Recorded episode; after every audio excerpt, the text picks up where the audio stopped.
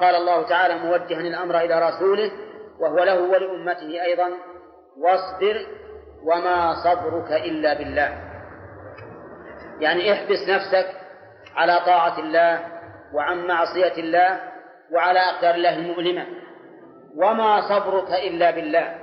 لا تظن أنك تستقل بالصبر. إنما صبرك بالله عز وجل. إن أعانك الله عليه حصل ذلك. وإلا لم يحصل.